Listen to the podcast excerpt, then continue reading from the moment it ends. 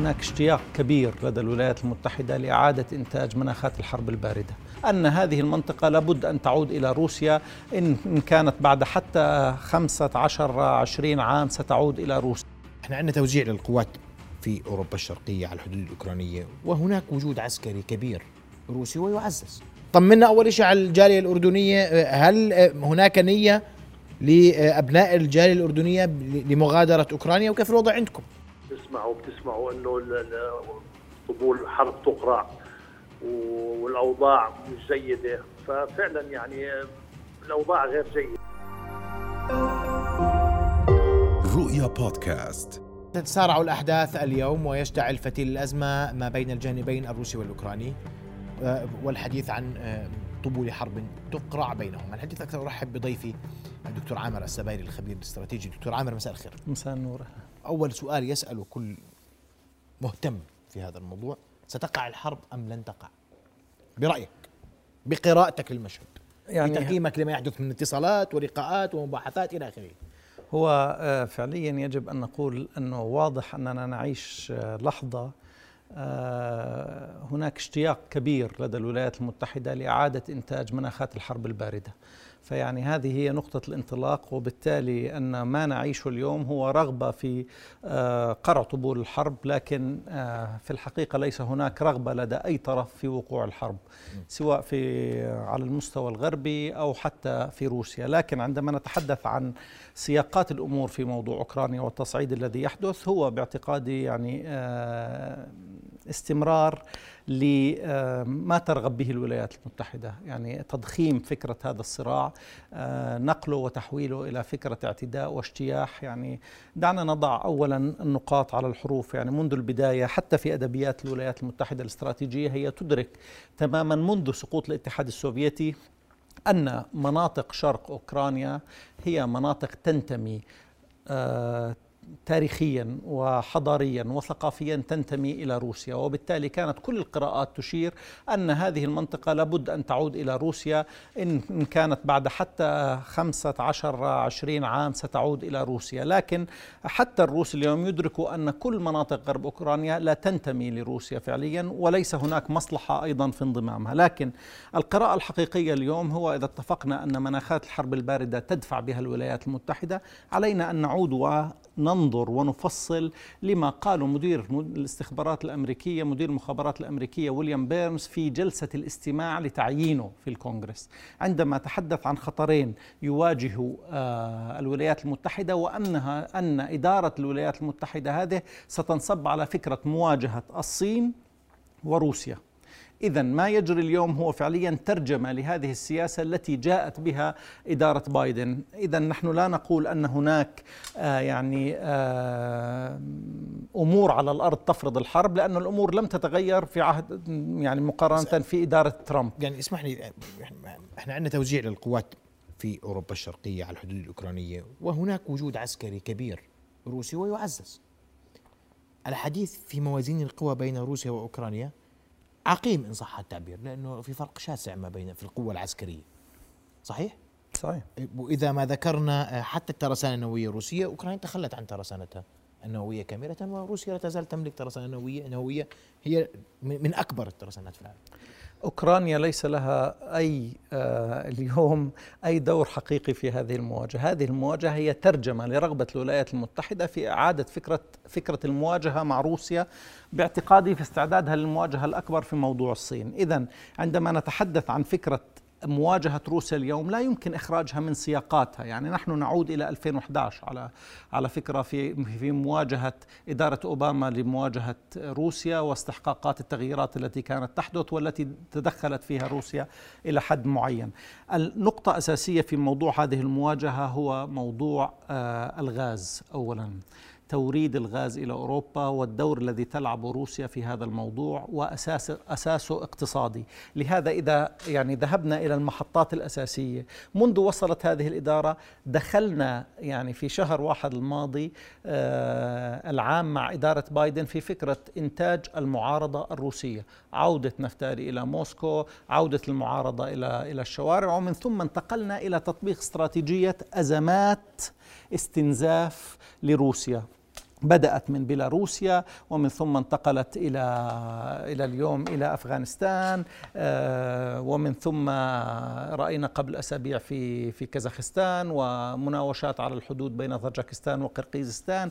إذا نحن نتحدث اليوم عن مشهد إذا اتفقنا أن العقوبات الاقتصادية أضرت بالوضع الاقتصادي في روسيا نشفت لنقل كل آه، يعني آه، كثير من الواردات الروسية. انتقلنا اليوم إلى فكرة الاستنزاف عبر إدامة الأزمات وخلق الأزمات في كل هذا المحيط. قد يكون أوجه اليوم في فكرة المواجهة مع مع أوكرانيا، في نفس الوقت هناك عملية اليوم عملية محاولة إلغاء توريد الغاز الروسي إلى أوروبا. أوروبا. هذا يبدأ اليوم. لماذا سكتت الولايات المتحدة عن بناء كل خطوط والبنية التحتية لخط الغاز الشمالي وانتقلت اليوم إلى رفضه آه، وإجبار ألمانيا؟ نحن نعلم أنه في السنوات الماضية روسيا آه، استراتيجية الروسية كانت مبنية على فكرة أن هناك خلل في العلاقة بين المحور الغربي نفسه العلاقة مع إدارة ترامب والولايات المتحدة الولايات المتحدة وأوروبا لم تكن يعني علاقة سوية. كان هناك اختلافات كبرى كانت تلعب روسيا على هذه الجزئية.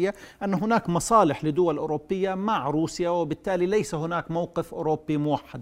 اليوم نأتي إلى فكرة التصعيد الذي نراه. حتى لو أصبح هناك اعتداء وأصبح هناك دخول آه، هو دخول محدود لكن سيتم تسويقه بفكرة ضرورة شرعنة العقوبات على روسيا. العقوبات هي ترجمة لفكرة العقوبات الاقتصادية التي ترغب بها الولايات المتحدة التي تمنع أيضا الاستفادة من الغاز الروسي. هذا هنا يقودنا إلى فكرة وقف استخدام الدولار في المعاملات في روسيا منعه وضع عقوبات على البنوك الروسية إيقاف التعامل بسويفت. هذا يعني أن مادة القوة الروسية الغاز لن يكون لها قيمة. لهذا هناك استعداد منذ أشهر على فكرة رفع البنية التحتية للمرافق في أوروبا لاستقبال واردات الغاز عبر آه، عبر البواخر سواء من قطر من أستراليا من كل الدول المحور الأمريكي اليوم التي يمكن أن تساعد في تعويض الخلل في توريد الغاز إلى أوروبا طيب. هذا يقودنا أن الهدف من كل هذا الحرب بين قوسين هو شرعنة العزلة السياسية والاقتصادية وهذا يأتي عبر سياق انت انت, أنت تعتبرها قرع طبول لا أكثر ولا أقل وحرب باردة جديدة هي حرب باردة جديدة وليس هناك م... أنا أنا أعتقد اليوم أن فكرة الحروب المباشرة الصواريخ ولا انتهت. اليوم ما تقوم به الولايات المتحدة هو أخطر أنواع الحروب. يعني هي البروباغندا التي تضع روسيا أصلا خارج معادلة التعبير عن نفسها خارج القدرة على التأثير في الرأي وهناك قناعة. يعني هناك كل التصريحات الروسية برغم كل التحركات العسكرية اللي نتحدث عنها إلا أن روسيا اليوم يعني ليست بحاجة لدخول في حرب من هذا النوع. تعلم أنها حرب خاسرة حرب استنزاف غير معنى معنية بها. هي معنية أن تعود إلى إلى آه، خطوط عام 1997 آه، مع مع حلف شمال الأطلسي أن لا يصل حلف شمال الأطلسي إلى نقاط تعتبرها تبوهات وتعتبرها خطوط حمراء. لكن اليوم فكرة الحروب المباشرة هي غير معنية بها. الروس يخوض في السنوات الأخيرة محاولة اختراق للداخل الأوروبي. له حلفاء في المشهد السياسي الأوروبي. كله خرج من المشهد السياسي تباعا في خلال السنة الماضية. يعني هناك محاولة أمريكية أيضا لإعادة بناء القرار الأوروبي ليصب في فكرة الحلف شمال الأطلسي والرؤية الأمريكية. ليس هناك معارضين كما كان يوما ما آه، معارضين أو في السنوات الأخيرة في داخل أوروبا معارضين للسياسة الأمريكية. واضح. اسمح لي ارحب دكتور عامر بدكتور كامل عواملي رئيس الجالية الأردنية في أوكرانيا. مساء الخير دكتور كامل. مساء الخير أخي محمد. مساء الخير إلى كل ضيوفك. آه، دكتور طمنا أول شيء على الجالية الأردنية. آه، هل هناك نية لأبناء الجالية الأردنية لمغادرة أوكرانيا وكيف الوضع عندكم؟ بداية الوضع والله يعني زي ما تسمعوا بتسمعوا إنه طبول الحرب تقرع والأوضاع مش جيدة ففعلا يعني الأوضاع غير جيدة، أما إذا بجينا حكينا إنه في العاصمة كييف في المدن الثانية لا ظواهر عسكرية، الحياة طبيعية إلا يعني ما خلق أنه إنه خفت الحركة الشوارع حركة المحلات التجارية الأسواق الناس يعني صار في آه، ظاهرة إنه خافه كثير يعني في مظاهر. أما بالنسبة لأبناء الجاليه الأردنيين ولله الحمد جميعهم بخير. وفي توجه كان من وزارة الخارجية الأردنية أصدرت بيان طلبت فيه إنه إجلاء المواطنين الأردنيين اللي له رغبة طبعا. واوكرانيا فيها من الطلاب وفيها من المقيمين وفيها من رجال الأعمال وفيها من آه، الماخذين جنسيه أوكرانية وعايشين هنا. وفي منهم اللي حاب يسافر برغبته بسافر واللي مش حاب بيبقى في البلد. هل هناك عدد دكتور كامل اللي لمن يرغب بمغادرة أوكرانيا؟ عددكم نعم، تقريبا أعداد- في 3000 أعداد ولكن قليلة. أعداد قليلة. من يرغب بالمغادرة أعداد قليلة. آه، أعداد قليلة يعني يعني مئات؟ ما يعني ما بقدرش أقول لك لا مئات ولا عشرات لأنه ال- الاتصالات اللي إجتنا من المواطنين الأردنيين الموجودين في أوكرانيا يعني لا تتعدى ال 20 30 اتصال إنه كيف نطلع كيف نسافر كيف نروح الكل بيسأل هل في طيارة تيجي تأخذنا؟ قلنا لهم لا يعني في طيارة كل واحد اللي يسافر الأجواء مفتوحة والطيران مسموح اللي بده يسافر بإمكانه يسافر لحاله نعم. حاليا. نعم.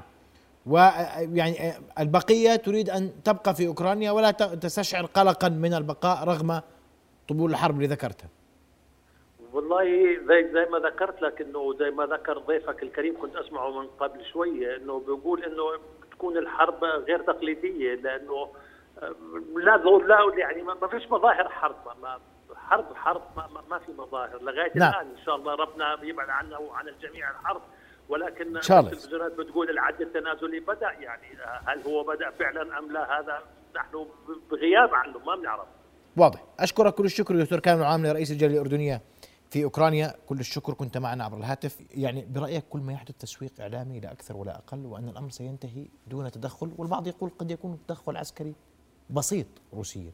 هو شوف آه، هناك مواجهة بلا شك لكن شكل المواجهة تتعدد أشكال المواجهة. أنا أعتقد يعني حتى لا نصور أن روسيا يعني اليوم آه، هي دولة يعني آه، تنساق بهذه بهذه السهولة لكل ما يرسم لها. لا بلا شك يعني هناك بلا رؤية روسية أيضا قادرة على استشعار كل كل ما يجري. لكن أنا أعتقد أنه ما يجري هو مواجهة أقرب أن تكون مواجهة طويلة الأمد أو متوسطة الأمد. بمعنى أن ما تسعى له الولايات المتحدة ليس صدام عسكري. لا تسعى الولايات المتحدة إرسال 3000 جندي إلى بولندا و4000 جندي. ليست هذه هي الرغبة الأمريكية في هذه المواجهة. إعادة رسم كل المعادلات الدولية اليوم يتم عبر فكرة التصعيد بالنسبة للولايات المتحدة. التصعيد مع روسيا وأنا باعتقادي أن ما يجري هو تحضير لمواجهة الصين بسيناريوهات يعني شبيهة. لهذا أعتقد أنه تدرك روسيا أيضا أن ما يجري الآن هو محاولة أيضا لفصل روسيا عن الصين محاولة لإرسال رسائل واضحة لروسيا في هذه الجزئية وتجريد روسيا من كثير من أدواتها باختيار توقيت يعني هو سبع سنوات آه، من الأزمة في سوريا آه، عسكريا موجودة. روسيا آه، كل المحيط ملتهب كل المحيط اليوم يتحول إلى عبء قد نضطر في لحظة معينة الآن بعد كل ما شاهدناه أيضا من عقوبات اقتصادية إلى ترجمة واقع اقتصادي مجتمعي محبط في الداخل الروسي يعني كله هو رغبة رغبة الولايات المتحدة في خلق أزمة إشغال لروسيا في داخلها ومحيطها. إذا هذا الذي قد يقود باعتقادي في مرحلة متقدمة الآن لفكرة تمرين لمواجهة الصين. وأعتقد أن الرئيس بوتين في في حديثه مع الرئيس الصيني كان واضح أيضا في هذه الجزئية أنه لا يجب فصل روسيا عن الصين وأن الاستراتيجية الأمريكية اليوم تقول أنه لا يمكن أن تواجه الصين دون خلق العزلة. وتبدأ العزلة في خلق الطرف الوازن الأكبر. الطرف الوازن الأكبر هو روسيا. وإذا وصلنا إلى فكرة التهديد الاقتصادي بالنسبة لروسيا فأعتقد أنه هذا هو ال ال الهدف الأمريكي في هذه المرحلة. لهذا أعتقد أن التصعيد اليوم يخدم الولايات المتحدة لتطبيق سياستها واستراتيجيتها في عزل روسيا نعم. جميل جدا. أشكرك كل الشكر دكتور عامر. شكرا لكم بحضورك الليلة شكرا. جزيلا لك. رؤيا بودكاست.